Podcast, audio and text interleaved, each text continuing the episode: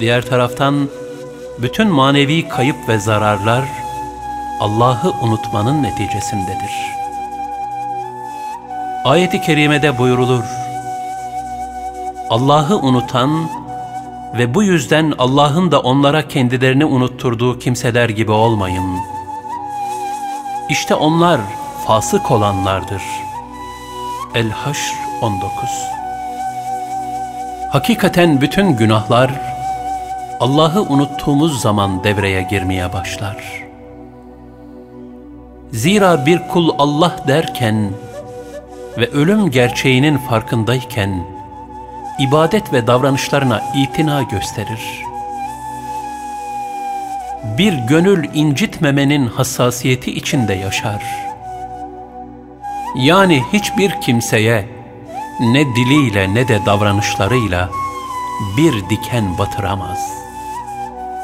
Bu nezaketi Yunus Emre Hazretleri ne güzel ifade eder. Gönül çalabın tahtı, çalap gönüle baktı. İki cihan bedbahtı, kim gönül yıkar ise. Cenab-ı Hak, hayatımızın hazin bir akıbete düçar olmaması için, nefeslerimizin ve kalp atışlarımızın ne şekilde olması gerektiğine dair, Kur'an-ı Kerim'de pek çok ikazlarda bulunur.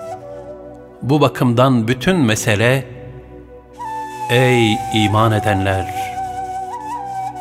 Allah'tan ona yaraşır şekilde korkun ve Müslüman olarak can verin.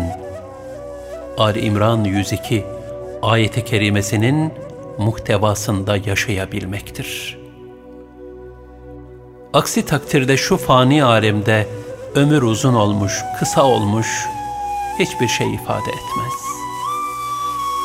Neticede bütün ömürler, insanlar kıyameti gördükleri gün, dünyada ancak bir akşam yahut bir kuşluk vakti kadar kalmış olduklarını sanırlar.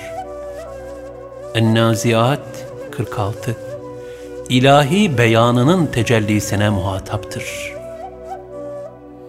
Dolayısıyla bütün yapacağımız bir akşam vakti yahut bir kuşluk vakti kadar kulluk, ibadet ve taat. Bu hususta Cüneyd-i Bağdadi Hazretlerinin şu nasihati ne büyük bir ikazdır. Dünyanın bir saati, kıyametin bin senesinden daha kıymetlidir. Zira orada kurtuluşa kavuşturacak bir amel yapılamaz. Ya Rabbi, son nefesimizi cemali ilahine kavuşma aşk ve iştiyakıyla verebilmeye medar olacak feyizli bir ömür yaşamayı cümlemize nasip eyle. Amin.